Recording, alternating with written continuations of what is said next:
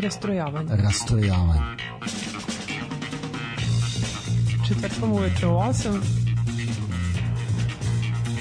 Uglavnom uživo. Rastrojavanje.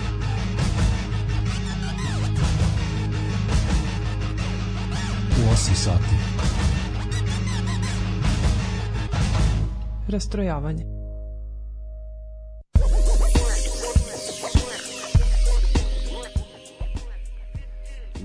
Dobro večer, dobro večer. Do, još jedno rastrojavanje, e, četvrtak e, 20 časova 02 minuta. E, Primetili ste već da imamo novi novu podlogu. E sad, to je ono što je samo za večeras.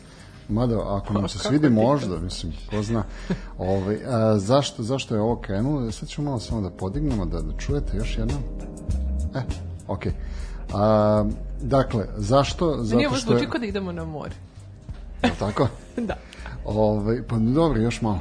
Sad, sad. Ove, ovaj, a, zašto je ovo? Zato što je to autorski rad našeg večerašnjeg gosta. A ko je naš večerašnji gost? Odnosno, ko smo mi? Smilja Slaviša, još jedno rastrojavanje, 23.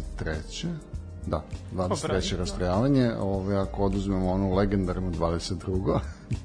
Ovaj, dakle, još jedna emisija, mi smo tu i naš gost večeras Milan Saitović, čovjek koji stoji iza imena Jazzy Sad. E sad, šta je Jazzy Sad i ko je Milan Saitović i ko je Jazzy Sad, to će nam on valjda objasniti večeras. Hoće, ali prvo da mu ovaj, se zahvalimo što je došao, tako da Milane, dobro nam došao, izvoli se predstaviti. Dobro večer, kako ste? pa mi smo baš dobro, kako si ti? Ovo, ovo je odličan return. Ovaj, aj sad vi. Pa jesam, dobro sam, ovaj, hvala što, što ste me pozvali da, da malo divanimo u etar. Dobro, a, ne, hoćeš a, za početak odmah da nam kažeš šta i kako, a, zašto jazz sad, odnosno a, zašto jazz? I odakle ovo lepa muzika? Uh, lepa muzika iz mog studija.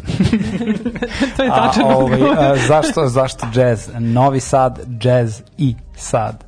Pa onda kao jedna reč zvuči onako svetski jazzy sad. Mm -hmm. I ovaj, mnogi misle da sam tužan, pa to interpretiraju kao jazzy sad.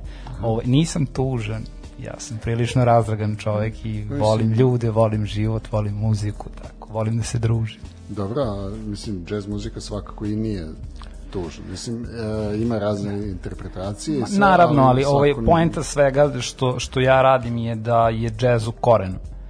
Dakle, ima tu i elektronike koja je džezi, ima tu i, i nekog hausića, što bi mladi rekli, ovaj koji je džezi.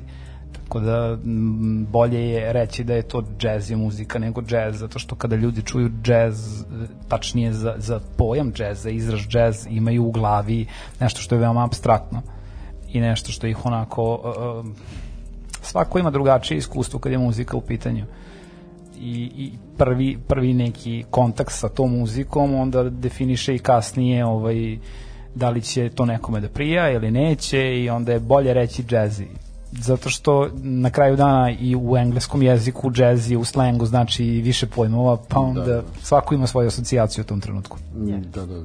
A, a što baš jazz, mislim? Pretpostavljam da je to nešto što je uh, onako, ja bih rekla nasleđeno, mislim, iz, iz mog iskustva, onako, ljubav prema jazz pa, muzici vrlo često se razvijala uz kreće, nekog. Kreće, da. kreće od, ovaj, od, od oca i, i hm, on je slušao gramofonske ploče dok je crtao svoje, svoje arhitektonske radove i šta ja znam neke stvari. Prosto, ja sam prvu neparnu muziku čuo, sam ne znam, možda četiri ili pet godina, tačnije neparan ritam u, u, u muzici i to je bilo kod komšinice koja je živela u zgradi preko puta i koja nas je čuvala kad roditelji nisu tu, jel da, meni mlađeg brata. To je bio neki Toma Zdravković na nekom i radio 104,2 u Subotici, tako nešto, da. I ovaj, tad sam shvatio da ta muzika može da se svira i neparno. Mhm. Pritom, to je deo našeg folklora na kraju dana, jel da, je ovog podneblja, ali ja do tada nisam to baš pojmio tako, uvek sam mislio da muzika mora parno da se svira slušajući jazz da, ili da, blues. Da. I ovaj, dobro je kad u ti nekim ranim godinama čovek shvati da muzika može i ovako i onako, pa sam onda kasnije čuo Beatlese, pa ne znam, Stones itd. itd. Ali uh, kad od malih nogu, od mladih godina zapravo krenete da gradite muzički ukus, to onda kasnije može da isprovocira da jednog trenutka odlučite da se bavite nečime u muzici, sad, da budete deo muzičke industrije, nebitno da li ćete biti izvođač ili nešto što je vezano za samu industriju, ali desi se taj prelomni moment da nekako, jel, želite da budete deo, deo te priče. Pa da. A da li ti sviraš i neki instrument? Uh, sviram, ali ovaj ne vežbam dovoljno, tako da Dobro, dobro. ja uvek kažem da je da je gramofon moj instrument i da prosto s njime ono pravim muziku kakvu želim da da pravim čovek treba da bude posvećen kad su instrumenti u pitanju da bi to interpretirao pred ljudima na najbolji mogući način. Ja volim da stvari ne ostavljam na pola, nego da ih završavam do kraja ovaj, i onda ako instrument sviram tako ovlaž i, ili nikako, onda je to za kafanu, nije baš za, za, za džez i za javno izvođenje koncertno pred ljudima. Aha, i onda znači uh, taj, taj tvoj instrument, uh, da kažemo primarni instrument kao gramofon, Da, gramofon je došao, primarni, da. Došao onako kao, mislim, iz sekundarnog je došao na primarno mesto. A koji je to... Uh, prije, Uh, klavir, klavijature, pritom radio sam na sebi da umem da odsviram i, i bubnjeve i neku čak bas gitaru i neke deonice u principu kad su muzičari u okolini daleko ako živite u Temerinu poput mene onda ovaj, naravno živite u kući pa imate pravo da sebi date oduška da vežbate neke instrumente o kojima i nemate pojma. Hvala Bogu internet je sada open pa možete kroz tutoriale da saznate ovaj, neke stvari i, i da pokupite osnove i onda naučite te neke osnove da sebi odsvirate bas deonicu ili neki ritam, pa to snimite, pa onda samplujete sami sebe, pa gurnete u softver i budete kreativni na taj način. Jer ovako, ovaj, možda je neki moj peh u životu što sam uglavnom udaljen od muzičara sa kojima volim da sarađujem. Uglavnom, kažem. Nije uvek tako, ali uglavnom. Većina muzičara koji aktivno sarađuju sa mnom su u Pančevu, koje je relativno blizu ovaj, Novog Sada i Temerina. Opet tu je i dobar deo muzičara koji žive u Nišu, moj najbolji drugar eh, Dejan Šobot sa kojim nastupam zajedno kao, kao Nisu Brothers nastupamo kao jazz dance duo ovaj, živi u Nišu i onda radimo te neke, mislim sad mala digresija, ali eh, to je zapravo pravi jazz. Nas dvojica radimo i zajedno radijske emisije, imamo i mesečnu selekciju kao Nisu Brothers koji je postavljena na Mixcloud i ljudi misle da mi živimo u istom gradu. Koliko to kompaktno deluje ovaj na, zajedno u tom miksu. U principu dobro se osjećamo kao, kao ovaj, ljudi, razumemo se dobro, onda opet tu i njegovo iskustvo ovaj, višegodišnje, on je nešto malo stariji od mene. Da. Ovaj, I e, zapravo smo veoma kompaktni, svako ima svoj muzički fazon koji prati, ali kad se to izmeša i napravi da, se da, jedna salata kvalitetna, onda to dovoljno, zvuči dobro.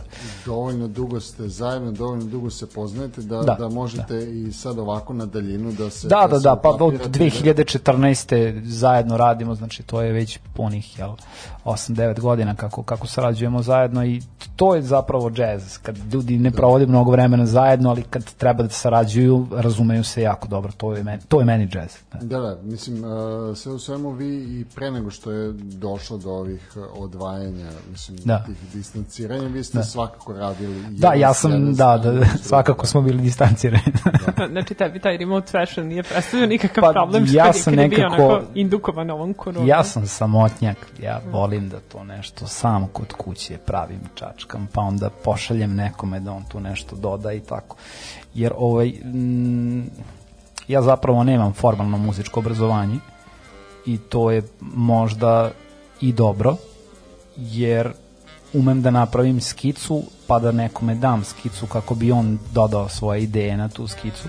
Znači, izvini sad, prekidam te, ovaj, Dejan je muzički... Uh, Dejan je neko ko zna da svira i svirao je u bendu Agnus Dei i čak on ima izdat album za PGP ako se ja dobro sećam, a demo album, drugi album zapravo za PGP nije izašao, ostao je kao demo zato što se desilo ono nesrećno bombardovanje 99. i nastupali su i kako beše se garaža bila zvala emisija Mm, da. ili tako nešto da ovaj kad smo bili malo mlađi jel da?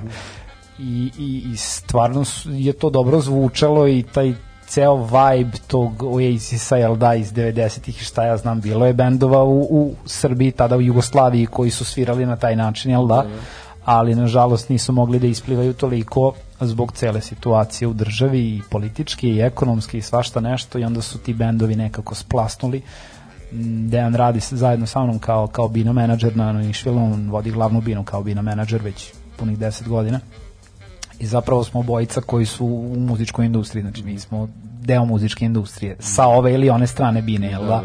I onda ovaj, e, lepo je sarađivati s njim, jer sam naučio dosta toga, jer smo putovali dosta zajedno, imamo zajednička ta neka iskustva koja su doprinala da se i mi upgradeujemo i kao izvođači i kao jel da, delovi muzičke industrije, to jest bina menadžeri. Da.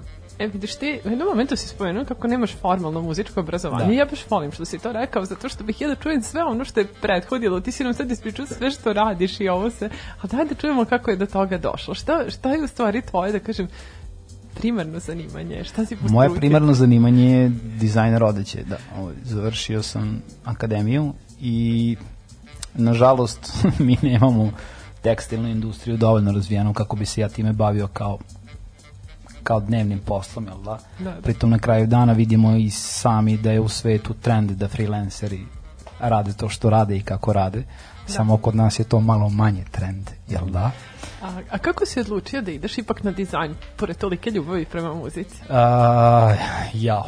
Kako teško pitanje, da, ne, nije životno. teško pitanje, nije, nije, nije teško pitanje, ali ovaj zvučeće odgovor će zvučati jako ovaj smiješno. Uh, žena koja nas je čuvala dok smo mi bili deca u Subotici se zvala Mariška i ona je bila onako jedna gospoja koja se bavila krojačkim poslom. Imala je šivaću mašinu, neku slavicu u to vreme i šta ja znam i onda je ona tu kratila nogavice i šta ja znam obavljala to što je trebala i mi smo sedeli u toj nekoj maloj kujni gde ona to radila, jel?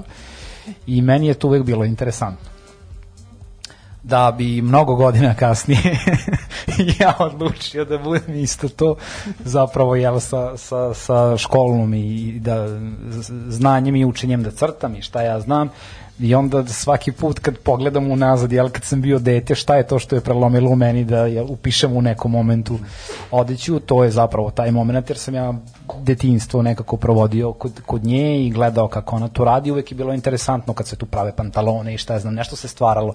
Zapravo verujem da je mene uvek u životu privlačilo da nešto stvaram, pa je onda došlo do, do toga da ono kao radim uh, uh, odeću, pa kad sam video da mogu da radim i muziku, to jest kad sam osetio potrebu da pravim muziku i da radim muziku, onda sam krenuo da radim muziku, ne znam, možda nekad u budućnosti budem još nešto tako. Ovaj. Da, da, ti, ti si na početku, ovaj, odnosno ne, ne na početku, nego tokom priče si pomenuo da da je tvoj otac ovaj, crtao Da, da. arhitekta Da, da, i da. onda ovaj, verovatno to, to znanje, odnosno neko predznanje tvoje ovaj, o, o, vezano za crtanje dolazi od njega, a naravno ovaj, i brat se bavi tim Da, brat, brat da radi kao je- dizajner nameštaja i ovaj i To je da, da. negde porodično. Da, interijer. to, e.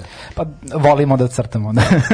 I, ovaj, I jako mi se svidelo kad si rekao eh, da koristiš neke skice, tako uzmeš Da. na, a, nešto, odsviraš kao Da, skicu da. i onda znači to, tu negde a, vezuješ ljubav prema, prema ovaj, Jeste, ovaj, Čekaj, čekaj, čekaj. Da. Kako osviraš skicu? Ja to nisam čula. I nemoj ti da mi objašnjavaš, ovdje imamo čovjeka o- umetnika da, koji će o- to da objasni. Odsviram skicu, napravim skicu, da. Pa u principu, ovaj, sada softveri i, i digitalna, jel da, e, u digitalnoj smo eri dozvoljava da i preko telefona pravimo muziku, jel da? Da. E sad ja sam čovek koji voli sebe da limitira kad je kreativan. Ne volim da imam sve slobodno i sve otvoreno da mogu da maštam do, do beskonačnosti, nego se limitiram.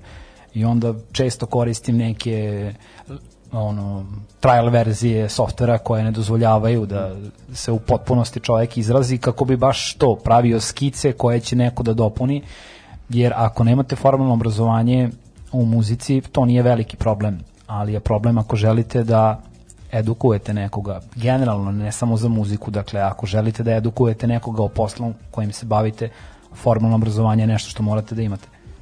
Prosto tako je. Sa neformalnim obrazovanjem vi možete da radite posao, ali teško da možete biti edu edukator. E sad, ja sam skapirao da jel, ne, neke stvari znam da uradim i znam da napravim, ali ne znam nekome da objasnim. I to je jako veliki problem, da. To je jako veliki problem. Da se desila ta akademija u Gracu i ta stipendija i šta ja znam. I, i, i to je sve bilo onako kao neki san ali sam tu naučio da mogu da ovaj zapravo to je to dobio sam formalno obrazovanje da mogu nekome da objasnim. E sad to u softveru tu pojačaš smanjiš pomeriš dodaš i tako dalje i tako dalje. Opet kako vreme odmiče e, sve me nešto više privlači analogija i analogna oprema, ne znam zašto, stvarno ne znam zašto, ok, mislim gramofon nije full analogan, jel da, ima ih da, da. sa digitalnim pičevima i šta ja znam, ali e, nekako sam shvatio da verovatno zato što su analogna oprema, generalno muzička muzička oprema koja je analogna je ujedno je limitirana. Nema te opcije kao što kad otvorimo laptop, pa sad otvori se hiljadu i nešto ovaj, opcija i onda verovatno me to i, i, i privlači i onda na kraju dana ako se neko bavi analognom opremom kad pravi muziku onda je fokusiran na samu opremu Ovako kad se otvori software, malo se uh, otvorit ćete Facebook, proverit ćete Aha, mail, uh, stiglo nešto na Messenger i mislim Aha, malo će sada idemo u dubiozu neku, ali da, odlači pažnju. Ovako kad, kad da. gledate u instrument kao instrument, prosto uh mhm. -huh. tu ste fokusirani na njega da budete kreativni sa njime i onda je to totalno drugačije. E pa da, da čujem.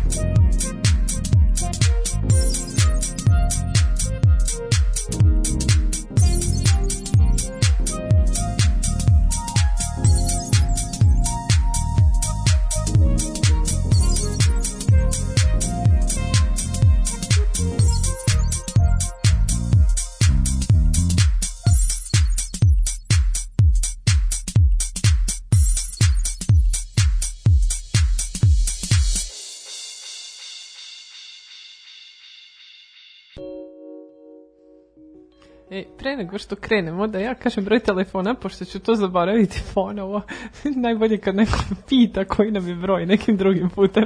Da. Da, broj 061 156 8860. I sad kad sam već pročitala, onda mogu da pročitam i poruku. Aha, kaže, pitajte gosta za saradnju sa Caro Emerald. Smrt, smrt Turbo Folku i Sloboda narodu. Flox i Alivio. Sjajno. Da, to, to je ovaj... e, Čekaj da Znam, čujem. znam od koga je stigla poruka, ovaj, znam, znam šta, tačno o čemu se radi. Pa daj da čujemo. Sjajno. Ja, ja ne znam. Ovaj, e, zapravo većina mojih kolega, pogotovo po Evropi, a možda i u Srbiji, ne znam, mene zna kao Electro Swing DJ i kao nekoga ko je od neke 2008. aktivno krenuo da radi Electro Swing kao muziku da je pravi. 2009. sam upoznao par Stellara pa smo počeli da sarađujemo i sarađivali smo do 2017. Ozbiljno. Da, kraj 2018. zapravo, da, je bio. I t, nisam ghost producent, ali jesam, ajde da tako kažem. Shvatio sam na vreme da ne mogu da prodajem muziku iz Srbije na način na koji bi ja hteo da je prodam, nažalost, jer zakoni i dalje nisu definisani i ne znam kada će se definisati i to je jako loše, mislim, to je...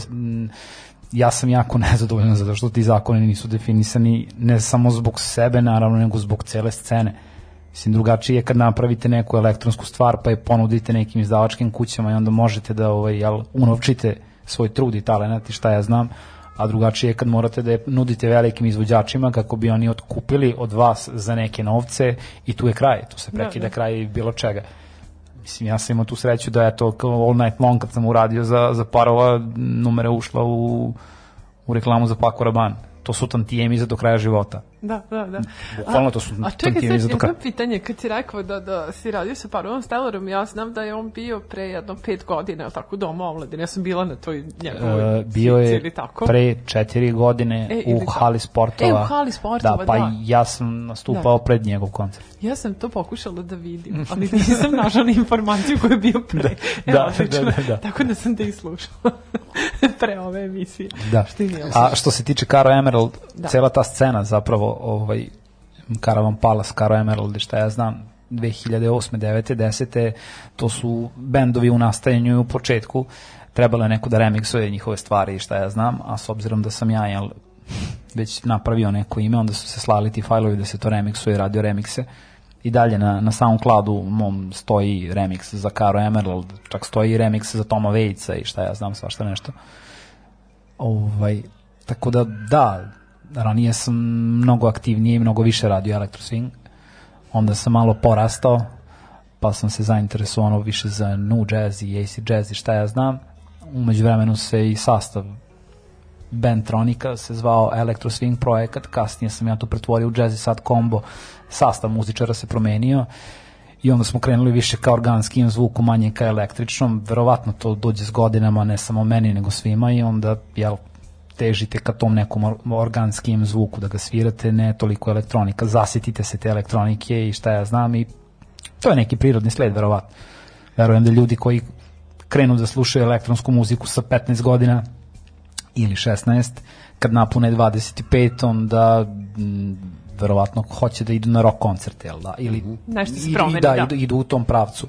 Jer, uh, ne znam, to sad mi koji aktivno pratimo muziku, ne bitanje žanra, nego muzika koja izlazi nova, ljudi posle 30. godine prestanu aktivno da slušaju muziku i onda prihvataju ono što im se plasira. Tačnije ono što im neko plasira. Da li je to YouTube, da li su to radijske stanice, onaj ko plasira muziku, da, i prihvataju taj po znacima navoda komercijalni zvuk, tačnije tu pop muziku. Oni koji ostaju u poslu da se bave njom i dalje kopaju i dalje traže novu muziku i dalje traže nove izvođače i tako dalje. Mislim, to je razlika, jel da, između ljudi koji su u industriji i razlika ljudi koji su slušalci. E sad, e, složit ćete se da u 2021. u 21. veku imamo sva moguća sredstva da dođemo do nove muzike, samo su potrebni selektori koji će to da nam plasiraju i podcasti poput ovoga i, i online emisije generalno sada koje su došle u prvi plan da. verovatno ne bi došle da nije bilo ove zdravstvene situacije jel da, i, i problema sa, sa zdravljem kompletne planete doprineće tome da se pojave novi izvođači i ja verujem da kad se ova zdravstvena situacija bude dovela u neki red, desit će se preporoda u kulturi generalno. Jeste. I u muzici, i u književnosti, šta ja znam, poja, pojavili su se već e, mnogi novi izvođači iznedrili zahvaljujući klipovima na YouTube-u i šta ja znam, TikToku i tako dalje. I to je super. To je ono što je, jel da, 21. vek i mogućnost da se proizvod plasira Na brzinu. na brzinu. Na kraju dana, ono što je loše kad pričamo o Balkanu kao jel da, podnevlju gde živimo, mi nismo skapirali da društvene mreže služe za socijalizaciju. Mi društvene mreže koristimo da iskazujemo uh, 1, 2, 3, da iskazujemo mržnju, hejt, da budemo agresivni jedni prema drugima zato što neko drugačije misli, neko drugačije gleda, neko drugačije šta god. Jel da, to je socijalna mreža, tačnije mreža za socijalizaciju. I lepo je kad vidim svoje kolege muzičare koji, na primjer, ne znaju nešto u softveru da urade i onda postuju i pitaju da li neko zna. Da, da. I neko odgovori da zna i kaže to uradi tako i šta ja znam. Dakle, nema osuđivanja da neko ne zna. Nego, jer čovek se na čoveka oslanja drvo na drvo, je li tako? Prosto, ako... Nema, nema te kreativne razmene. a tome socijalne mreže i služe, da dođe do kreativne razmene kako bi unapredili svoje poslove i svoje poslovanje, da budemo bolji ljudi na kraju dana, jel da, a ne samo da hejtujemo jedni druge. Mislim, ja razumem da, da smo svi nervozni, generalno na Balkanu, svi smo nervozni, Mi ali trebali bi, trebali bi da ih koristimo po meni za neke bolje stvari, a ne za iskazivanje nezadovoljstva na kraju. dana. Da, da, jel mogu ja sad da te pitam, a, na, napomenuo si u nekom trenutku a, kako si a, počeo da se baviš nu jazzom, Da. acid jazzom, a, jel možeš nama koji, koji nismo muzički potkovani da, da objasniš koja je, koja je razlika između tog nekog acid jazza, new jazza, classic jazza i... AC koja- jazz je fuzija svega. Dobro. svih žanrova. Bukvalno. Znači, da, to je naj, onako, najprostije i najjednostavnije. Znači, AC jazz je jazz u korenu, dakle ima harmoniju kao, kao jazz muzika, ali ima tu i primesa sola, funka, diska, elektronike, isto to je i nu jazz.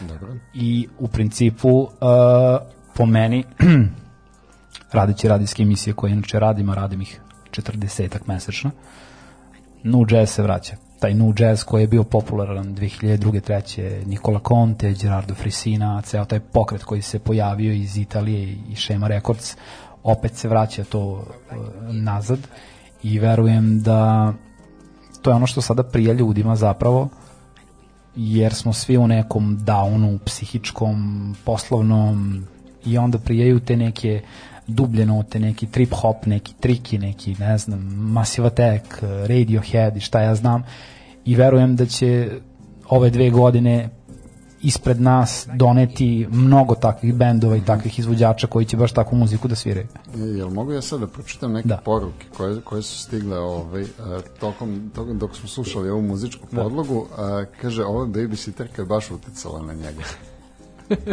Za bavljenje dizajnom odeće, da. Dobro, kaže, um, bilo bi blasfemično, odnosno bilo bi esefično da nije tog ritma. Nema bridža, nema breakbeata, swinger, da? Da. Swinger. Sjajno. Da, a jedno pitanje sad, pošto ti kažeš da postoji naravno taj problem prodavanja muzike Da. i sve to, kako, kako si se ti uopšte probio da, da, da možeš ono, da, da dođeš u priliku da sarađuješ sa tako nekim poznatim ljudima, u principu da se pročuje za tebe? Kod mene sve što radim u životu je faktor sreće.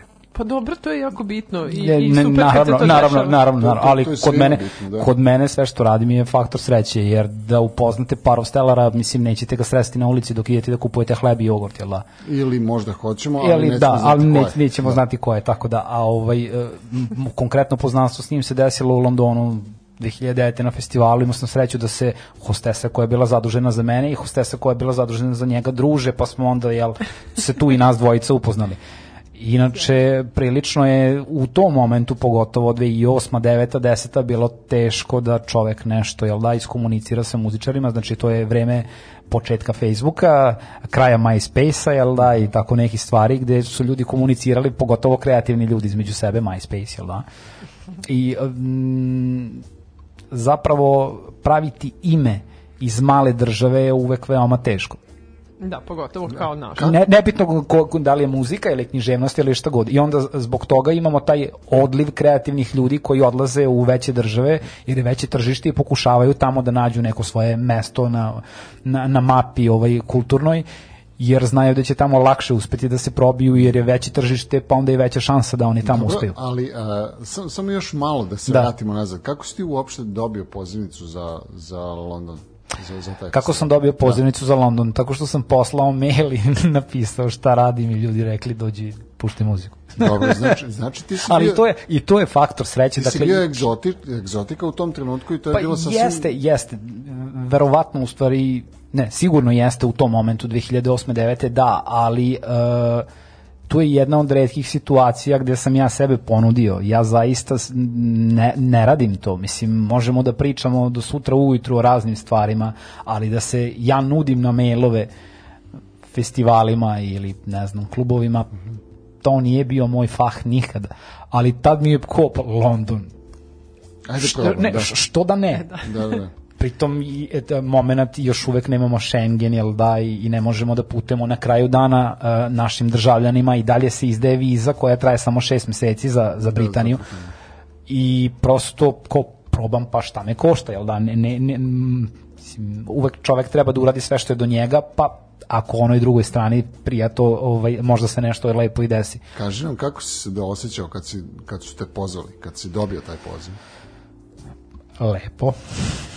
Pa, mislim, Da lepo li, si, je... da li si očekivao uopšte da će, da će do toga, da, da će do toga Ne. doći ili da će to završiti u Da nekom... ja, ni, ja nisam očeki da mi je neko rekao sa pre, ne znam, 20 godina da ću doći u situaciju da živim od džeza u Srbiji. Da, da, da, baš, je- baš je misao. nije. Da. Mislim, budimo realni, zaista budimo realni, a ja sam došao u situaciju da već šest godina živim od džeza u Srbiji. Mislim, ne- nekad nije lako, nekad imate jednu svirku u toku meseca, a nekad imate 26. Mislim, setim se samo prošle godine, jel da, virus je zaustavio sve što je mogao da zaustavi. Ja sam u avgustu 2019. znači samo godinu dana pre toga, avgust ima 31 mesec, ja sam svirao 28 puta u avgustu 2019. Što znači da sam svaki dan svirao, jel da? Skoro, da. I uh, to je sve bilo van Novog Sada. znači da sam Znači, morao da bilo vozim baš, i te da, da, da. i baš je bilo naporno i onda posle toga me čekao Nišvil koji počinjao desetak dana posle toga. Pa tebi je ova Dakle- korona došla da se odmoriš. Pa jel da? jeste, da. Ovaj, ja, ja sam to rekao kad, kad, kad je ono krenuo virus i cijela priča oko virusa, rekao pa sad ću ja lepo da se odmorim, pa ću ja malo da vežbam instrument, pa ću malo produkciju, pa ću malo da radim na sebi da budem bolji čovek, Pa pa, ću malo jesi? da čitam, pa jesam. I ovaj, je, mislim, jesam da i bit će tu projekata, bit će sada sjajnih projekata od jeseni, Neću mnogo da pričam, da ne bi nešto izbaksuzirao, ali ovaj biće zaista sjajnih projekata koji su usko vezani za književnost, jugoslovensku književnost i za klavirsku muziku sa ovog podneblja. Ajde ovde da, da, da stanemo, samo još malo da, da pustimo muziku. Ovo, Može, ovo će bude može, kao teaser. Može, može. Thank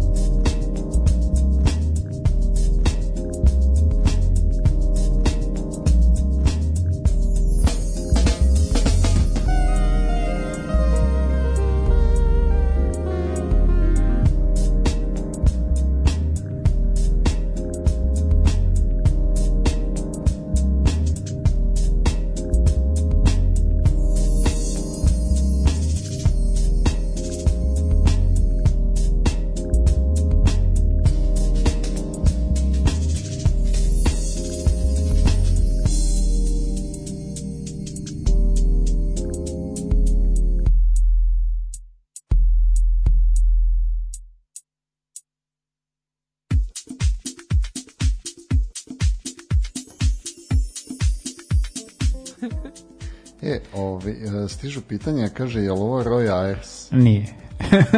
Nije tačka. pa nije, nije, nije. Ja Možda zvuči kao, ali da, ali, ali ja, nije ja, ja Roy ti lask. Uh, pa Laska će muzičaru koji je svirao vibrafon, nisam ga ja Jel svirao, da? ali kad mu budem prene, onda će ovaj da... Dobro. A, nego, e, Inače, kolega iz Slovenije je u pitanju. Zaustavili smo te na u nekom trenutku. te da, sa onim klavirima i, i, ovaj, i to koliko su ljudi bili kreativni u u ovom, ovom proteklom vremenu kada smo bili zatvoreni sve i to, to stvarno je onako vrlo evidentno kod mnogih tako izdali su svašta oni, Pa i, oni e, DJ-evi su valjda Izdavaštvo, eksplodirali, da. iz, izdavaštvo sada jedino i donosi novac.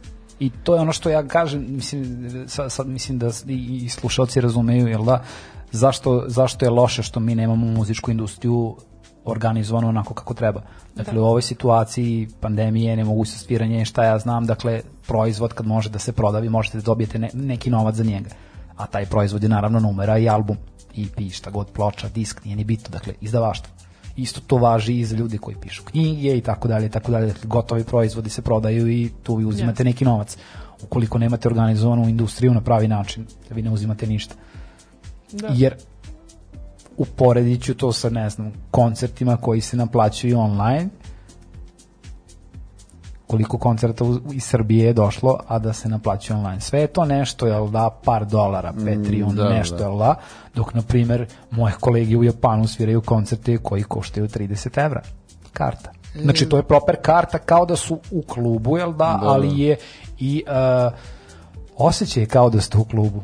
Slika, zvuk, ništa ne kasni, sve upeglano, jel je da? Ne, generalno, znači čim je karta tako visoka, onda je taj feeling, jel da, gledanja tog koncerta kao da ste zapravo na koncertu. E sad, kad si pomenuo Japan, ja moram ovaj, malo da, da odem na tu stranu. E, Ne, ne prema Japanu, nego e, u nekom trenutku si isto pomenuo kako, kako u ovom trenutku radiš 40 emisija, radijskih emisija mesečno. Da. E sad, ono što si meni rekao, to je da će u nekom trenutku to, taj broj da poraste. Jel možeš to da nam... A, porašće broj e, već posle 1. maja. Pratite moje objave na Facebooku. Dobro, a možeš malo da, da nam kažeš nešto više o tome?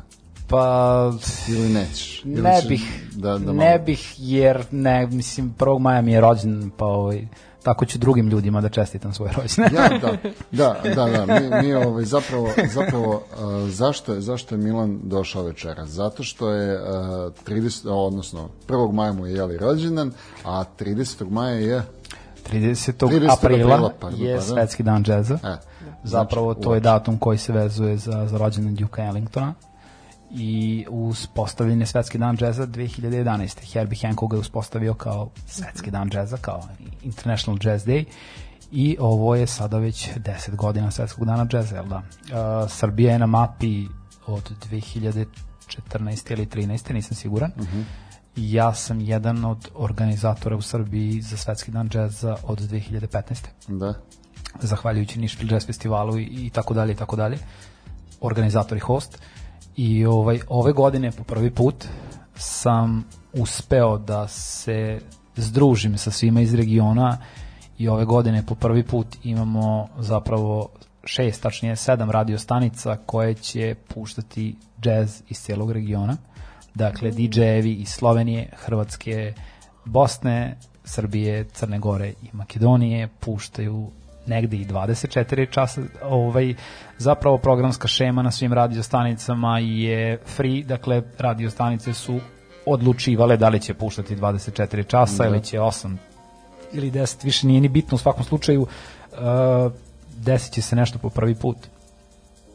I mislim da je to dobra stvar ne za mene kao neko ko je idejni tvorac toga, nego za region kompletan, jer jel da jazz posmatramo veoma abstraktno i takvi događaji mogu da doprinesu da se dobije drugačija svest o džezu.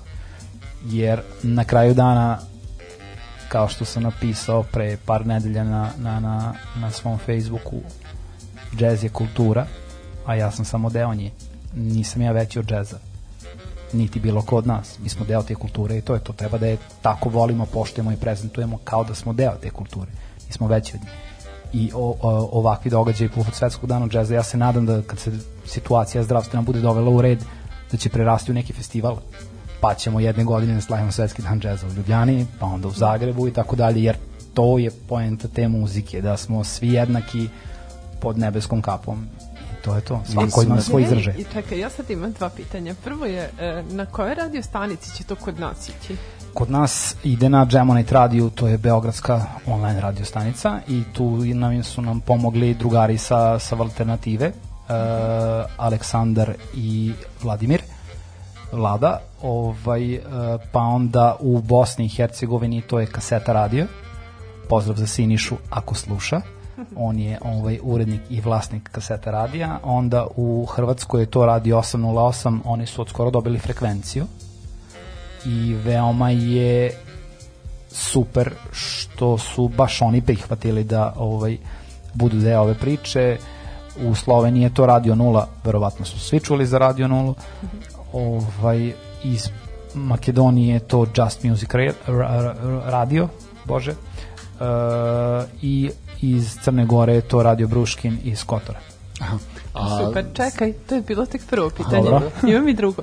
A kako se do sada to obeležavalo? E, u principu, da, budu koncerti, ovaj, e, bili su u Srbiji koncerti i naravno svaka država za sebe je ono kao organizovala neke koncerte i, i e, neke događaje povodom svetskog dana džeza, ali ovo je prvi put da smo uvezali kompletan region sa radiostanicama i da, jel da, muzika se šeruje dakle muzika koja će ići u Sloveniji, ići će u Srbiji i tako dalje i tako naravno različit je redosled, jer da je svako je birao programsku šemu da uklopi kako njemu odgovara, pritom e, neke radio stanice imaju program koji je celodnevni, šta ja znam, pa imaju emisije, pa će se na radio 808 u Hrvatskoj uključiti Janko Novoselić koji će pričati o svetskom danu džeza i tako dalje.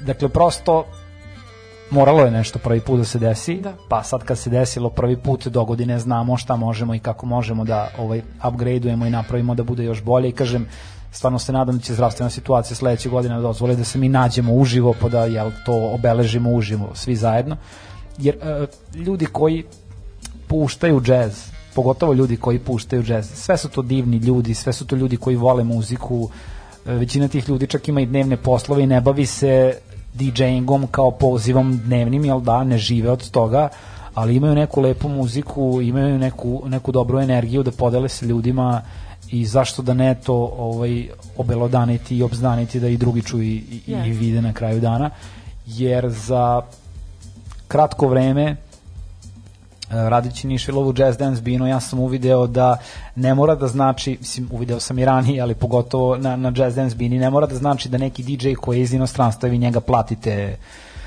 ne znam, više od 2000 evra mu date honorar da će on doći i sad će ljudi tu da luduju i to će biti žurka najbolje ikada i šta ja znam, ne. Uvek se dešavalo da ljudi koji su plaćeni neke skromne novce, dođu i što bi rekli mladi pokidaju set i mi svi ostanemo u čudu kako taj neki čovjek koji je tako skromno plaćen ima tako dobru muziku, u stvari to je to. To ja, je poenta. A, a, ono što sam ja hteo da pitam, ovaj, kad si pomenuo da će a, na svim tim radio stanicama u regionu da. ići ovaj, džez, Uh, ja sam zaista u nekom trenutku, nekom trenutku sam zamislio da će to zapravo sve, sve vaše ploče da idu u svakom trenutku na svim tim ne, ne, ne, ne, znači da, da svako ima drugačije, da, da, da svako, svako ima, dakle od DJ-eva učestvuju uh, DJ Woody iz Slovenije, iz uh, Hrvatske naš prijatelj Leo Hekman, uh, Bosnu ja predstavljam, nažalost, ove godine, da, zato što imam i emisiju, ovaj, uh, zato što imam emisiju na kaseta radiju u, u Bosni i ovaj, ja zapravo predstavljam Bosnu, tako da ja imam dva sata selekciju, jedna je kao DJ iz Srbije, druga je kao DJ iz Bosne. Nažalost, uh, uh, uh, verovatno ima i ja bih voleo da me sad nekad doda na Facebook ako ovo sluša i tako dalje. Neko ko, da, zaista, mislim, ja nemam vremena da sedim i da googlam koji je to DJ koji pušta jazz, funk, soul, disco, šta ja znam, takvu muziku iz Bosne, a da to tako voli, prezentuje, radi emisiju i šta ja znam. Znači, stvarno nemam vremena da se bavim time na, na taj način, ali verujem da radeći ono što ja radim, ljudi mogu da izguglaju ko sam ja i šta sam ja i uvek su slobodni da me kontaktiraju i kažu ja bi voleo da sarađujemo, ja bi voleo da imam emisiju, ja imam album za tebe, ja imam single za tebe. Na kraju dana uh, radio emisija koju radim na Night Radio koja traje već 5 godina, dakle to je jedina radijska emisija koja promoviše balkanska džez izdanja punih pet godina, znači balkanska džez izdanja na, na kupu ne deleći uh, po poreklu iz koje države dolazi šta ja znam, to niko ne radi u regionu osim mene, čak ni ljudi koji idu u etar ne rade to tako. I onda uh, uh, zaista je privilegija kada vam neko pošalje album i vi ili je to još uvek neki ono polu demo pred master i vi to pustite na radio i kažete ja sam prvi pustio. Jer radio kao format je baš za to jel da? Ja sam prvi pustio. Pa je neko čuo pa mu se dopalo pa se onda to proširilo dalje da se dešava dok za, za razliku od televizije koji je jel da video format to je već onda gotov proizvod. Čim imate muzički stop, spot pardon onda je to gotov proizvod, da se to drugačije plasira, dok radio kao mediji je baš to, ja sam prvi. Čestitke, da? A, ovaj, a kaži mi, koji je najveći festival na kom si učestvuje ili neki koji ti je posebno drag? I neki nastup ili šta god, sad ne mora da bude festival. Nastup. nastup Sarajevo 2013. godine. Da, dakle DJ set od pola 12 noću do 10 ujutru. Ju. Pritom ja sam od 6 ujutru do 10 ujutru puštao muziku da, da oteram ljude i ljudi nisu hteli da odu. Nina Burek. da, da, da, da, da. Na kraju kad smo završili ovaj, jel da u 10 ujutru i došao menadžer i rekao, prate, gasi ovo, dosta je više. Neće ljudi nikad otići kući. Ovaj, otišli smo svi na Burek i tu se ono izrodilo dosta prijateljstva i šta ja znam, ali... A i Sarajevo je to, da? Da, nije samo to, nego prosto dese se momenti da jako je čudno kad, kad čovek svira ili pušta muziku sad, jel da? Kad se tako izražava. Nekad dođete spremni da to veče bude sjajno, da sve ste uradili, sako ste crveni obukli, sve je super, ali nema tog vajba da se to desi šta treba da se desi i ne desi se to veče. A neki put, poput te večeri u Sarajevu, ja kasnim autobusom do branih dva sata iz Srbije, jer mislim putuje se valjda i dalje nisam Dosta. putovao skoro ovo iz Novog Sada do Sarajeva se putuje 8-9 sati tako neki momenti jel da, kao da smo preko sveta a ne preko Romanije. da, da, da. Mislim, realno, jel da? I onda dođe mi kofer sa pločama i svašta nešto i kiša pada na polju. Ja mislim sad kad dođem, neće biti deset ljudi unutra, ono puno. I onda kad vidite da neko ostao i čekao još dva sata naknadno, jel da? Vi ste trebali da krenete oko pola deset da radite i da radite do tri, onda to da neki vibe da se sad ću da pokidam ljudi ostali nema puno da, da, da. I, i sam taj ono psihološki moment jel da to svi znamo kad dođemo i vidimo da je na koncertu puno onda je to odličan koncert čak da. i ako je ozvučenje loše bitno da je bilo puno jel da da je bilo mnogo ljudi tako da ti momenti uh, nije uvek isto. U Pančevu volim da radim i, i, i voleo sam kafe voz ranije dok smo radili kao kao triovce su bile ono sjajne sjajne žurkice bude taj vozić puni onda se mi tu dobro zezamo i tu se završi ne znam oko dva i onda idemo na pileće belo i tako. Pa da, sve mora da se završi dobro ne, prosto, prosto ovaj, to su ti neki momenti to nije koncert, klasičan koncert jer da, to su tezge pod znacima navoda gde vi dođete i došli se da, da, da se ljudi provedu. Da, i onda ima tu u glavi prosto ja imam taj moment da kao ja sam sada artist ili ja sam sada došao da izvezam ovaj večeras i mogu to da razdvojim i uopšte me nije problem da to razdvojim. Dok neki ljudi to ovaj, ne mogu, imam, imam ja sam neki put momente kad se ja sam sa sobom laktam i kao sad ne bi se pred svinje šta ti ja znam, jel da, od muzike. Ali ovaj, opet e, poslednjih pet godina ja uglavnom radim u restoranima i puštam muziku u restoranima. I, Gde, na primjer? Pa radio sam u pikniku ovde u Novom Sadu, pa ne znam, bila je tu nacionalna klasa par puta, pa onda opet uh, u Beogradu Uh, sam radio u Rob Royu, pa u The Baru sam često, pozdrav za Uroša i ekipu, uh, pa Leila, pozdrav za Saleta i tako dalje, Leila je inače prodavnica gramofonskih ploča. Prosto gledam da idem na mesta gde mi prija, gde ljudima prija da, da radim to što radim. Na kraju dana ljudi se uljuljkaju svirajući i puštajući muziku, pogotovo puštajući muziku. Postoji zona komfora preko koje neki ne žele da odu. A ja volim da izlazim iz zone komfora jer me to čini boljim čovekom. E, a sad imam pitanje Da. ovde, neko je postavio pitanje koja ti je omiljena marka gramofona? Koja mi je omiljena marka gramofona? Kući na mom stolu u Temerinu stoje dva Omnitronika. To mi nije omiljena marka, ali verovali ili ne, ti gramofoni rade posao više nego dobro. E sad, da li volite da vozite Mercedes ili volite Fiat 500L? To je na vama. Ako vam Fiat 500L radi posao, kupite njega. Ako imate novca samo za Fiat 500L, pa opet kupite njega. Mislim, Mercedes je Mercedes, ali ja ne vidim kao Technics, gramofon, pa sad to tu nešto mora, pa mora igla od 250 evara da se stavi na njega, pa mora drvo, pa ovo. Čemu sve to? Mislim, to slušate kući. Ako je, e, ljudi trebaju da razdvoje kad je nešto alat, u alat se ulaže, jel da? Jer Da. alat donosi novac. Kad je nešto for pleasure da stoji kući, onda je to za zadovoljstvo. Neće raditi taj gramofon 24 sata, nego će se preslušati ploča koja traje jel da, i B strana 47-8 minuta i to će otići i to je to, tu se gramofon uglavnom gasi. A kad se koristi za, ne znam, DJ potrebe, onda DJ-evi tu vežbaju i kažem, eto, ja koristim nešto što je i više nego srednja klasa gramofona i dalje dobro radi i dalje sam zadovoljan i tako dalje. Kupujem igle, menjam igle ne koristim igle od 250 evara a opet dobro sviraju ploče koje puštam. Prosto nađete alat koji vam prija jer to tako treba. Mislim šta bi bilo da nas svi na svetu vozimo samo Mercedes jel da?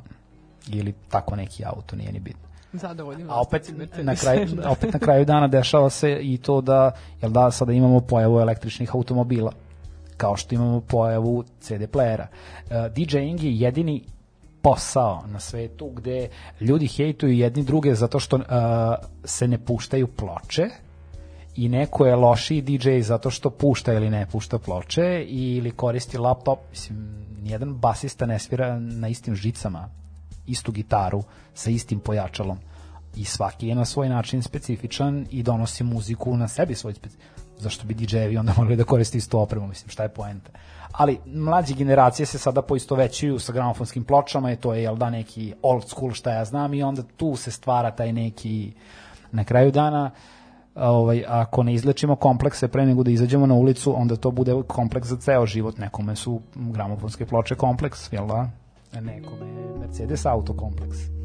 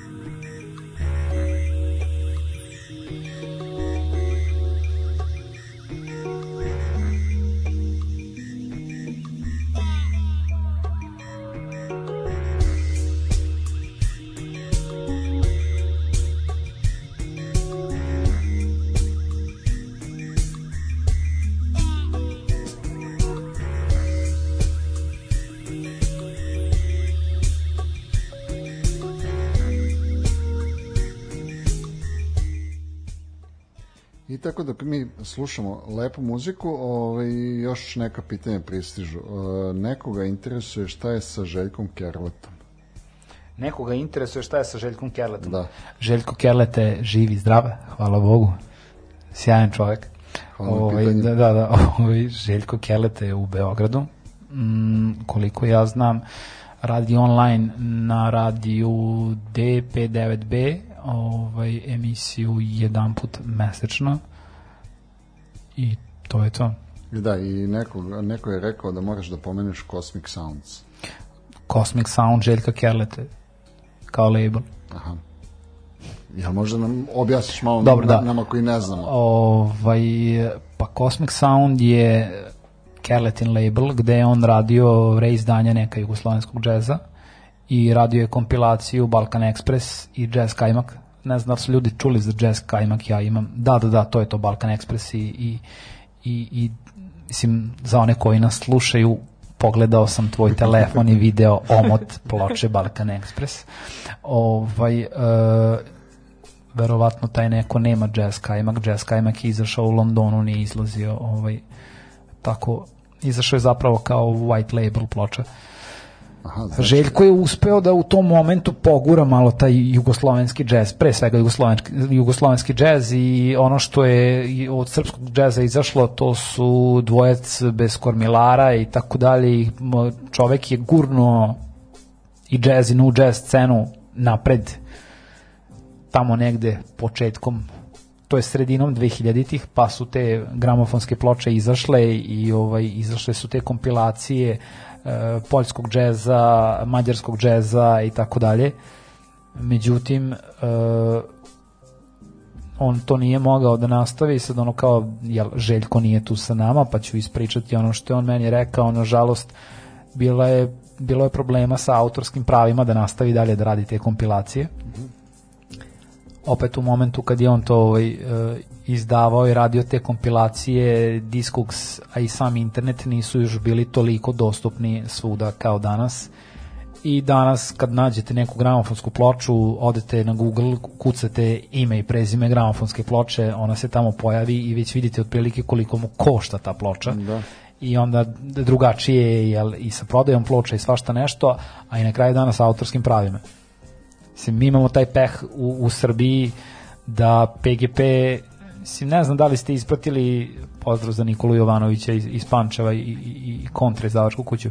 Ovaj, ne znam da li ste ispratili priču oko autorskih prava za Milana Mladenovića i EKV i bilo je kod Galeba u podcastu i Nikola je bio, pa je Loka bio i svašta nešto ovaj, to, to sad samo uzimam kao primer da ne idemo u dubiozu oko celog tog slučaja, zapravo šta je PGP nekada radio i kakvi su ugovori potpisivani sa muzičarima, dakle ti ugovori su bili tipski gde PGP je davao novac za nešto i to se smatralo kao produkcija, u stvari nije se smatralo kao produkcija i tu sada svako može da spori pogotovo ako ima više članova u bendu, da je sad, mislim, neko išao da kupi vodu na snimanju, jel da, neko je kupio pljeskavice, neko ovo, neko ono, a neko je organizovao muzičare da dođu i dovezo ih i, mislim, prosto svako ima neko da, mislim, to je produkcija na kraju da. Da, Nije samo da budete, ne znam, Quincy Jones i kao, jel da, producirate Michaela Jacksona. To je već neka druga priča.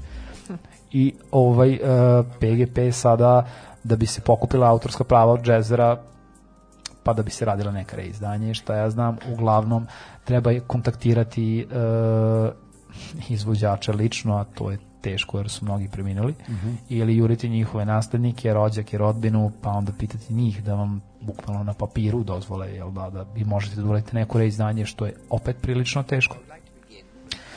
Ja sam razmišljao i verovatno će se desiti konačno kompilacija jugoslovenskog džeza redkog i obskurnog do kraja godine. Verovatno neće biti izdato u Evropi, nego u Japanu, ali vidjet ćemo.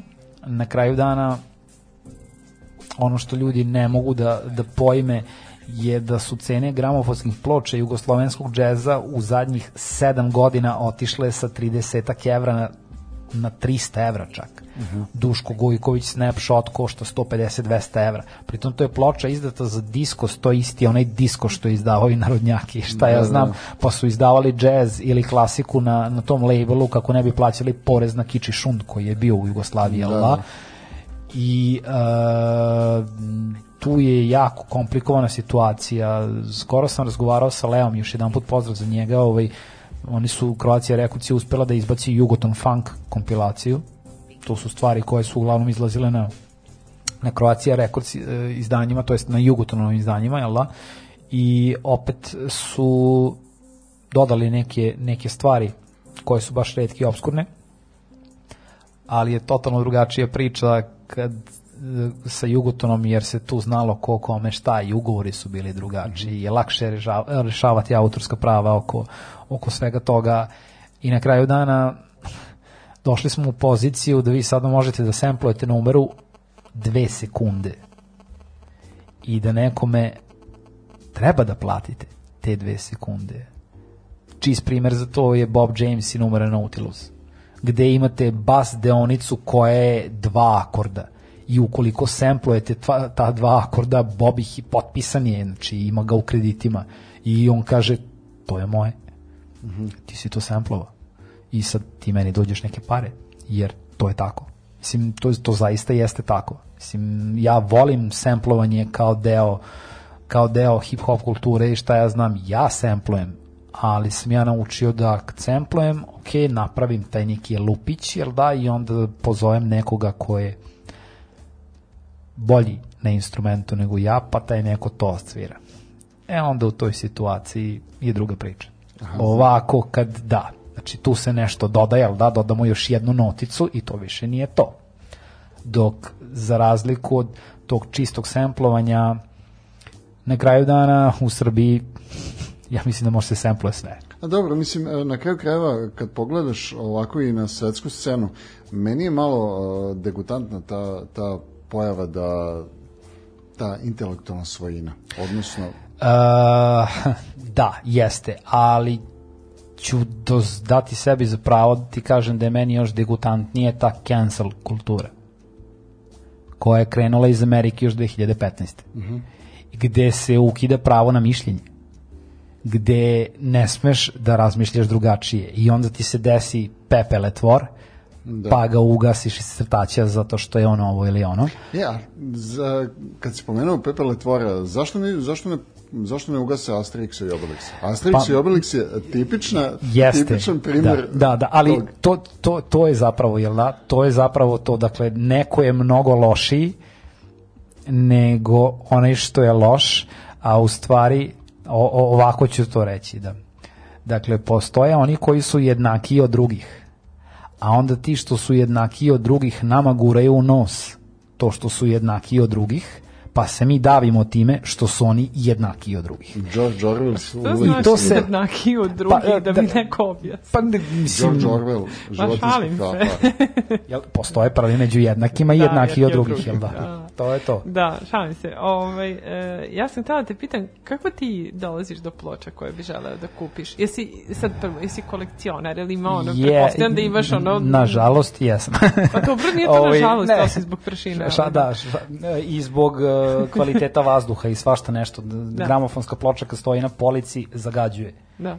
I to je ono što verovatno mladi ljudi ne kapiraju na taj način. Jedan moj kolega iz Amerike je pre nekih dve godine uh, iznajmio aparat koji mi je izmerio koliko to gramofonske ploče na polici u jednoj prostoriji koja je ono, dnevna soba zagađuju. To je neverovatno. Znači, stare ploče... Imaš kući da, Pančeva. Da, da, da, da, da, da, da, ko, da, živiš u Pančevu, iako ne živiš u Pančevu. I ovaj, uh, ja generalno ploče nabavljam, pa kopam, da li je to pijaca, da li je to Lemundo, da li je to Kupindo i šta ja znam, tako neki momenti. Kupujem nove ploče, naravno, ali sam ja već više godina baziran na kompilacije. Uh -huh. Dakle, ne kupujem albume, uh, kupim nešto što mi je ono, jel da, baš uh, želim da imam, da posedujem i, i znam da ću puštati, uglavnom kupujem kompilacije zato što su kompilacije ploče, kompilacije pravljene za DJ-eve za puštanje, ne toliko za kolekcionare, jel da, za čuvanje i to je nešto što je potrošni materijal. Znači, ako je izašla kompilacija u nekom momentu, verovatno će za par godina izaći reizdanje, razumete, i onda prosto mislim, evo sada izlazi ono japanski jazz fusion i te ploče na, na Junu koštaju 35 plus evra, što znači da će sa, za Srbiju koštati oko 60 sa dostavom. To je ne, mislim, to je skup sport i neostvarivo za, za naše uslove. Na kraju dana, ko će to da razume? da. Uvek je, mislim, uvek je to pogotovo sa tom muzikom koja je abstraktnija ili umnija, da tako kažem, ko će to da razume? E sad, I š, ploče su postale više nešto što je za showcase. Dakle, gostujem kod vas na radiju, doneo sam kolekciju jugoslovenskog džeza koja košta 12.000 evra i puštam to sat vremena i sad ono, mislim, ljudi slušaju i ako bi sad googlali i otišli na diskog da vide koliko košta pojedinačna ploča, tek onda bi shvatili šta sam ja to doneo. Do tada vide gramofonsku ploču, super, pušta ploče, tu je kraj. Da. E sad, e, kad već pričamo o, spomenu si to umnija i abstraktnija muzika, da. ja bih volela da spomenemo onako stanje jazz klubova kod nas, ko, kojih ono generalno nema. Poslednje što je Novi Sad imao vezano za neki jazz klub bio je Duinov, je tako, klub i to je nestalo i koliko ima jazz kluba u Srbiji? Kako reče filozof u lajanju na zvezde, umni rad je fizički neizdrživ, da? ovaj, pa ja, mislim da je to zapravo to je problem, nije problem, nego to je kako, kako su nestali jazz klubovi u, u Srbiji. Umni rad je fizički neizdrživ. Jazz klubovi su ovaj, u, u Srbiji neodrživi kao takvi. Nažalost, ova situacija sa, sa virusom i sve je dovela do toga da je jedini klub koji je preživeo, a da je jazz klub, stari bitev u Beogradu. Sva ostala mesta su se zatvorila. Muha se zatvorila, klub koji je profesor Duin držao u Novom Sadu je već od ranije, da, zatvoren kafe truba u Nišu još nekako živi, ali preživljava jer nema svirke i, i nema publike i prosto uh, jazz muzičari su i par godina unazad bili prinuđeni da sviraju po restoranima. A restorani i kafići nisu adekvatan prostor za sviranje da. jazz muzike. Da, da i tu se ne formira publika. For, publika se formira u jazz klubu za, za neki sastav i šta ja znam. Dakle, potreban je interijer, potreban je zvuk, potrebno je sve što, što čini jedan, jedan jazz klub kao takvim da bi se scena gurala i održavala. Ukoliko toga nema, a nažalost nema, mi smo u problemu. Da. Mislim, imamo paradigmu da Novi Sad ima jedan od najvećih muzičkih festivala na svetu, a nema proper klub sa zvukom, rasvetom, obezbeđenjem i tako dalje, da paradizo za paradizo i šta ja znam, ali jel da, da, potreban je klub koji će imati ime i prezime i mi sad znamo dolazi neki svetski DJ, nebitno koji je žanr u pitanju muzički i on odlazi tamo da nastupa jer su tamo uslovi sjajni i mi plaćamo kartu 17 evara i došli smo da slušamo nešto što je sjajno. Ovako kad taj isti A, čovjek... Mi nemamo tu scenu. Pa nemamo, da, mislim, nemamo, nemamo tu kulturu zapravo da idemo ka tome. Mislim, države u okruženju, krenimo samo od Hrvatske, oni već imaju neke klubove u, da. koje, u kojima se to dešava. Da? da, ali njihovi klubovi su meni zaista za klasu pa, iznad većine naših. Ja sam imao prilike da radim u, u VIP klubu u Zagrebu, pozdrav za Dražena koji je nekada držao taj Dražena Kukanović koji je nekada držao taj VIP klub ovaj, u momentu kad sam ja gostovao tamo, to je 2014. Uh, u zvuk i u rasvetu je tamo bilo uloženo hiljade i hiljade evra. I moment kad se tamo uđe u DJ boot i krene da se pušta muzika, to je kao da ste na Dance Arena Exita. Bukvalno. Taj osjećaj, jel da? I kad imate takav osjećaj u klubu kao izvođač, dobijete idealne uslove za izvođenje, neće to veče biti loše. Mi, mislim, jel da, da svi da. volimo da imamo idealne uslove šta god da radimo, ne samo A, muzika. Kako je, kako je stanje sa Novosadskim jazz festivalom? Jesi bio do sada uključen? Uh, Mislim, na bilo koji. Nažalost, nisam. Da li bi voleo da sarađujem sa ljudima koji organizuju Novosadski jazz festival? Da. Da li će se to desiti, ne zavisi samo od mene, zavisi i od njih, naravno, mogu da me kontaktiraju, možemo da pričamo. Ja bih voleo da ide već deseta godina kako sam ja prisutan na Nišli Jazz festivalu.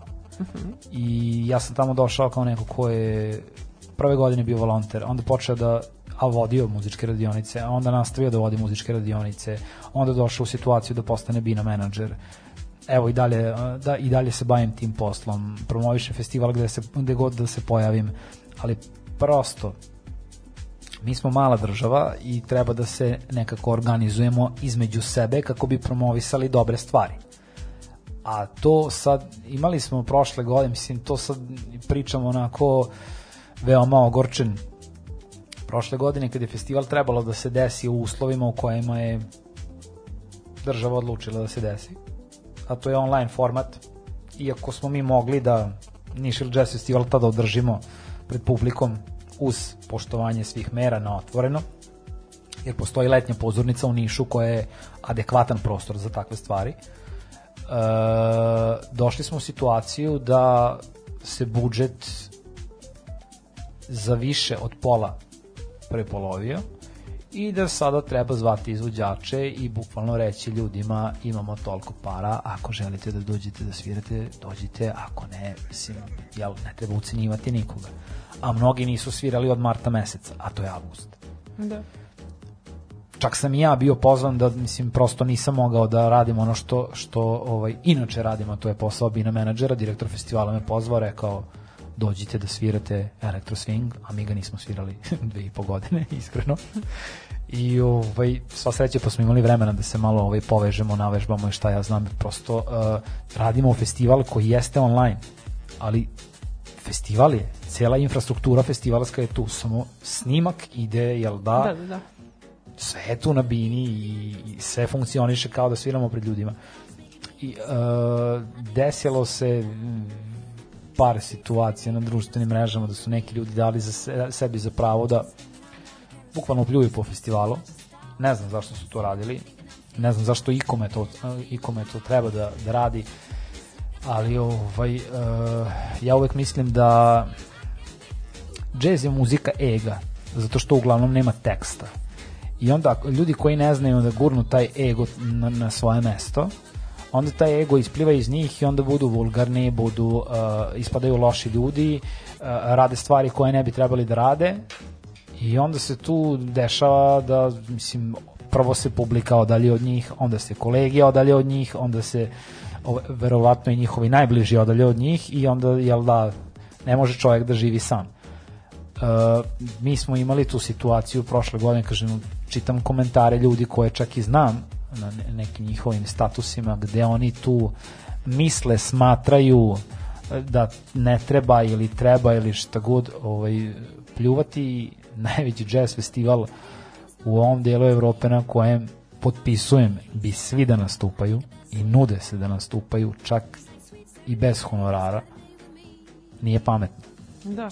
zaista nije pametno postavio si pitanje zašto to rade i čemu to, ovaj, a, mislim da si ranije već odgovorio sam na, na to pitanje. Socijalizacija pa, ili... da, da, definitivno taj faktor socijalizacije i socijalizovanja. Prosto uh, kažem, ukoliko ste ukoliko ste, ukoliko je ne, neko nezadovoljan svojim privatnim životom to će da se odrazi na njegovo sviranje, to će da se odrazi na njegovu kreativnost, na sve. Problem je što socijalne mreže služe za iskazivanje frustracije. Pa jeste, i to ovaj, da, jel da, da nama na Balkanu ne služe za to, neke stvari bi odavno promenili na bolje, jel da? I živeli bi u uređenijem sistemu i bolje nego što sada živimo.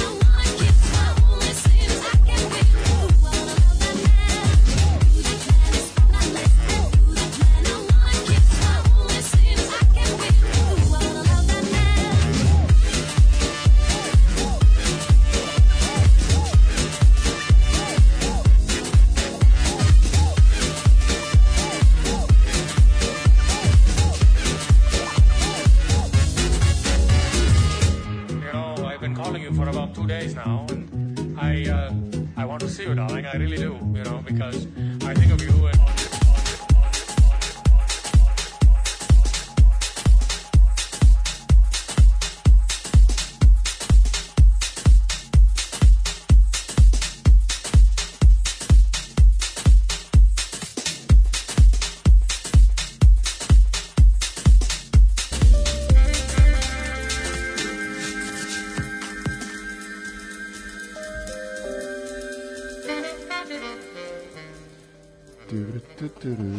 Sjajan si DJ Slaviša, sjajan si DJ. Je, ovo je zapravo odlično ovaj, leglo samo, ovaj, ali nisam ništa uradio. Pa, e, eto, eto vidiš tako ja pravim muziku, da sve odlično legne samo. ne moraš ni da miksaš, samo stisneš play. E, a, ono što se htio da te pitam, ovaj, Da. ovo, ovo što, što sad slušamo sve vreme ispod, ispod naših glasova, a, to je tvoje autorske, ovaj, autorsko delo. E sad, ništa od ovoga ovde, bar ja kako vidim, to nema ime. Pa uglavnom moja muzika nema ime. Mislim, Prosto, ne, te- te tako, melodije. tako onda ja sad ovaj, napravim neku muziku, pa onda pustim sebi pa to slušam da vidim jel treba nešto da popravim, da izbacim, da ubacim šta ja znam. I onda dok slušam dobijem inspiraciju kako bi to moglo da se zove. Mislim, ja bi najsrećniji bio da sve numere na svetu mogu da nazovem 1, 2, 3, 4, 5, 6, 7, koliko god Track, ih ima. da. da, track i to je to, međutim, jel da, to ne može zbog, iz mnogo razloga.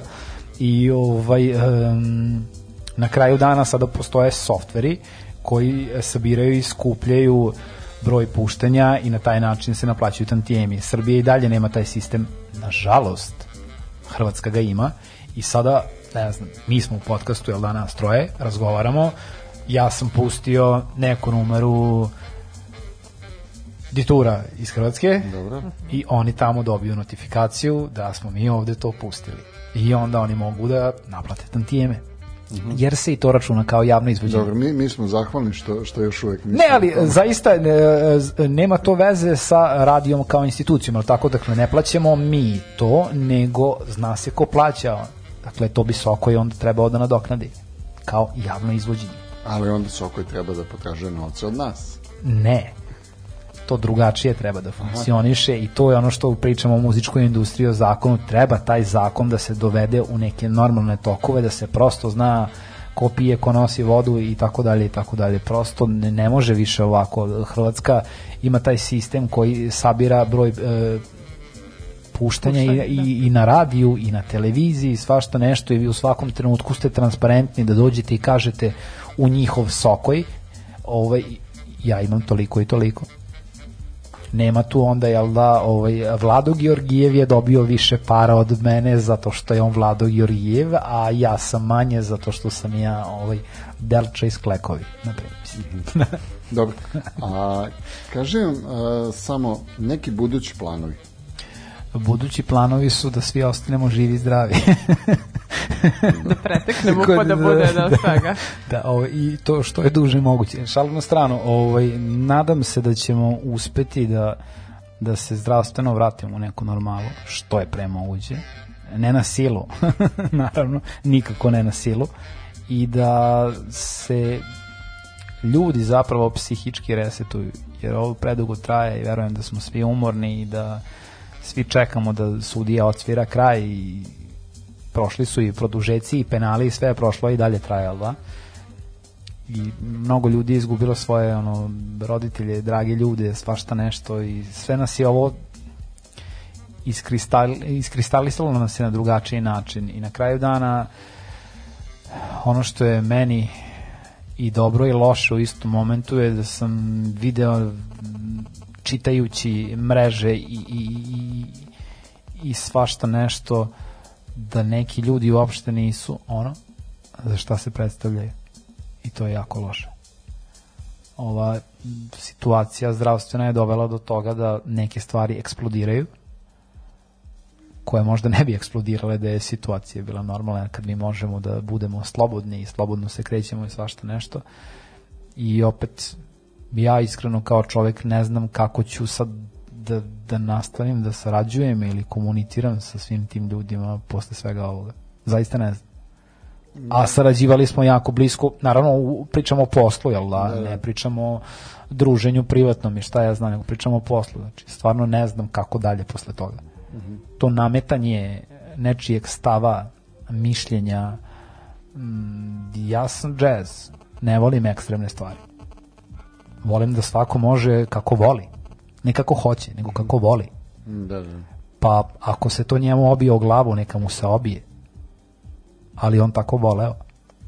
To je pošteno. Da. To je neki pošten, ono, za, za, za života, to je pošteno tako.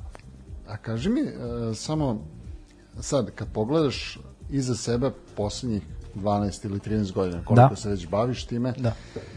da li bi u nekom trenutku nešto uradio na drugi način? Da li bi nešto uradio na drugi način? Bih. A, a da znaš da, da će Da. mnogo da ti pomogne ili da, Da bih. te probije brže? Na, nema šanse da, da se probije čovjek brže kada dolazi iz male države. Znači to da sam se rodio u nekoj Italiji ili mislim prosto zaista je tako. Znači opet e, ja mislim da ja mislim mislim da svi mi koji živimo na ovom podneblju nosimo terete nekih nerešenih situacija. Pre svega političkih. Svi nosimo to na svojim leđima i ne možemo da budemo najbolja verzija sebe dok se neke stvari ne raskopaju, a neke zakopaju zauvek. Ako pričamo o, o, o kulturnom dobru i izražavanju u kulturi, vidjeli smo pre par meseci šta se desilo sa tim filmom, da ne pominjem film, jel da? Svi smo gledali i pročitali priče oko toga. Mislim da je strašno da a, dođemo u situaciju da neko nekog plagira do te mere na taj način, a da je a, reč o državnom projektu i da je u to utrošen novac svih građana ove države. Dakle, to je ne, to je veliko ne, to bi bilo sad kao, eto, meni država pozove i kaže napravi jedan državni projekat, uh, srpski džez. I to treba da traje 20 numera da ima dupla ploča, svašta nešto, jel da da deluje onako bogato. I sad ja dođem i isplagiram nekoga na način da samo promenim ovaj redosled tih numera i to je to, mislim ja sad nisam ništa tu uradio, ali da to su postojeće numere. Pa zato se ne idu u zatvor, nego mislim u uređenom A društvu. Ne, ne, mislim u uređenom društvu, jel tako? Mislim da si napravio odlično poređenje. Mislim, prosto, prosto e, ljudi ne mogu da shvate da, i da, ono što, što je moj lični stav, verovatno nije stav dve trećine e, ljudi koji su završili akademiju. Na taj način se pljunulo u lice akademije kao institucije. Jer ako neko ima akademiju gde je završio za reditelja ili scenaristu, pa se bavi takvim poslom, ti onda unižavaš akademiju kao instituciju i govoriš da sutra danas kad neka nova generacija studenta bude završila neko tamo iz Češke, Poljske, šta god na nekom festivalu će da sumnja da je njegov projekat plagiran zato što je neko plagirao pre 5, 6, 10 godina. Da. Znači ne treba unižavati institucije a mi ih ne unižavamo ih mi, mi dozvoljavamo da se unižavaju već više godina, dakle ovde e, kao da ljudi vole da obesmisle sport, politiku, kulturu, šta god i onda na to se baci taka jedna ljaga da se ljudima zgadi i kad neko opet pomene to sve kom ne, to sad mi tu preziremo odmah, jel da, to sve i više nas to ne interesuje. Dobro, sa vedire strane mislim da Lord, Lordan će konačno da uradi svoj film, pa ćemo da vidimo to kako je zaista trebalo da izgleda. E sad, uh, ja ne... Mogla je da ostane i abstrakcija. Da. Pa, e, Svi znamo Mislim, o čemu se priča. da, uz, ne, uz, sam- uz, uz dužno poštovanje, jel da, svima koji su akteri u toj priči. Ja filmove gledam kroz muziku. Či ono što je meni fokus kad ja gledam neki film, nebitno da li je produkcija sa Balkana, tačnije sa naš, iz naše regiona, ili, ili evropska ili svetska, prvo gledam muziku. Daću sebi za pravo da kažem da je ovaj, ta serija o kralju Aleksandru nakaradna i da je muzika tu katastrofa. Neću da komentarišem seriju i muzički ovaj, zapravo izražaj scenski itd. itd. Ali muzika je katastrofa.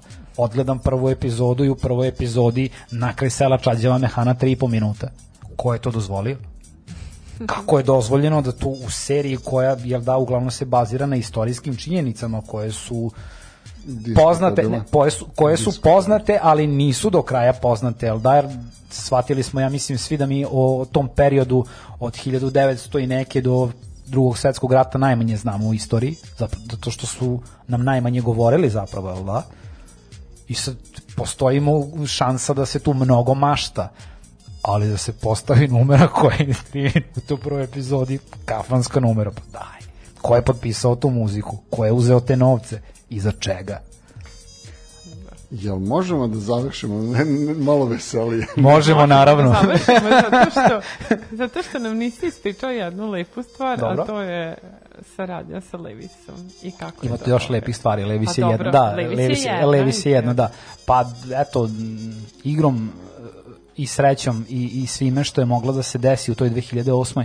Uh, odradio sam prvu samostalnu reviju na nedeljima od u Novom Sadu, dobio sam nagradu za, za tu reviju, za najbolju reviju, najbolju kolekciju. I par meseci posle toga me kontaktirao brand manager Levisa za, za region i pitao da li želim da radim muziku regionalno za Levis. Što sam ja bio u fazonu, čovjek me kontaktirao na Facebooku, mislim, daj.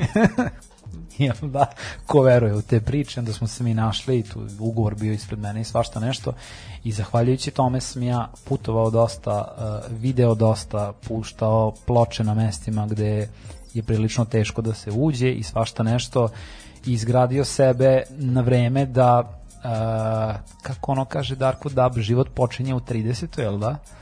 E pa meni je karijera počela mnogo ranije. Da, zahvaljujući tome. Jer uh, putovanja po Mislim, to je lepota putovanja, zar ne? Vidite negde, naučite nešto, pa se vratite kući, pa onda opet vidite negde, naučite nešto i to vas uzdiže i moralno i intelektualno i svakako da budete otvoreni ka, ka drugim ljudima, da se naučite nekoj saradnji, komunikaciji koja je na višem nivou nego ona koja je na kojoj komunicirate u Srbiji i to, to je lepota. Mislim, Levis je jedna lepa stvar, Converse je isto lepa stvar iz 2011. Uh, Rad na Nišvilu je nešto što sad, mislim, verovatno bi mogu i knjigu da napišem o tome i tako neke stvari, ali prosto uh, dobro je da radim ono što volim, dobro je da me to čini srećnim i dalje, da mi to ne predstavlja neki teret, jer na kraju dana bilo ko ovaj, nek proba da isproducira 40 emisija radijskih mesečno koje traju dva sata, prilično je ozbiljan posao.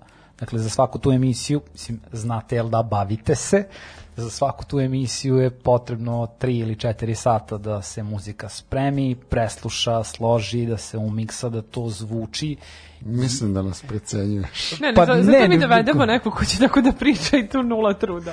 Pa ne, ali na, na, na kraju dana ovaj, eh, kad, kad se izražavate samo muzikom, znači dobro je kad podcast ima jel da i priču, onda je to da. malo drugačije. Ali ako se izražavate u svom podcastu samo muzikom, bez priče, ta muzika mora da bude dobra, jer ta muzika ide uglavnom online, ali da neko može da klikne tamo xić, da zatvori taj kanal i da ne sluša, i da sluša nešto drugo. A ako to nije dobro, neće to, neće to prolaziti sad pratili smo te neke parametre za, za, za praćenje i stvarno su dobri. Ja ne mogu da verujem da su parametri toliko dobri.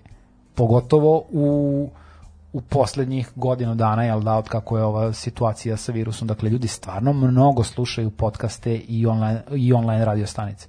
Mnogo više ljudi to prate nego video sadržaj.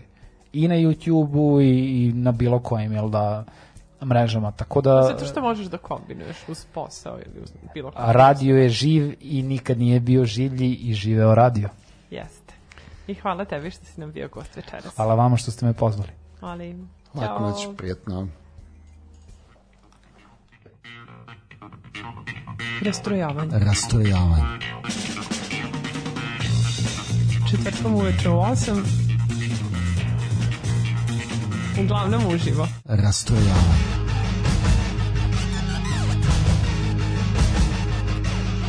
U 8 sati. Rastrojavanje.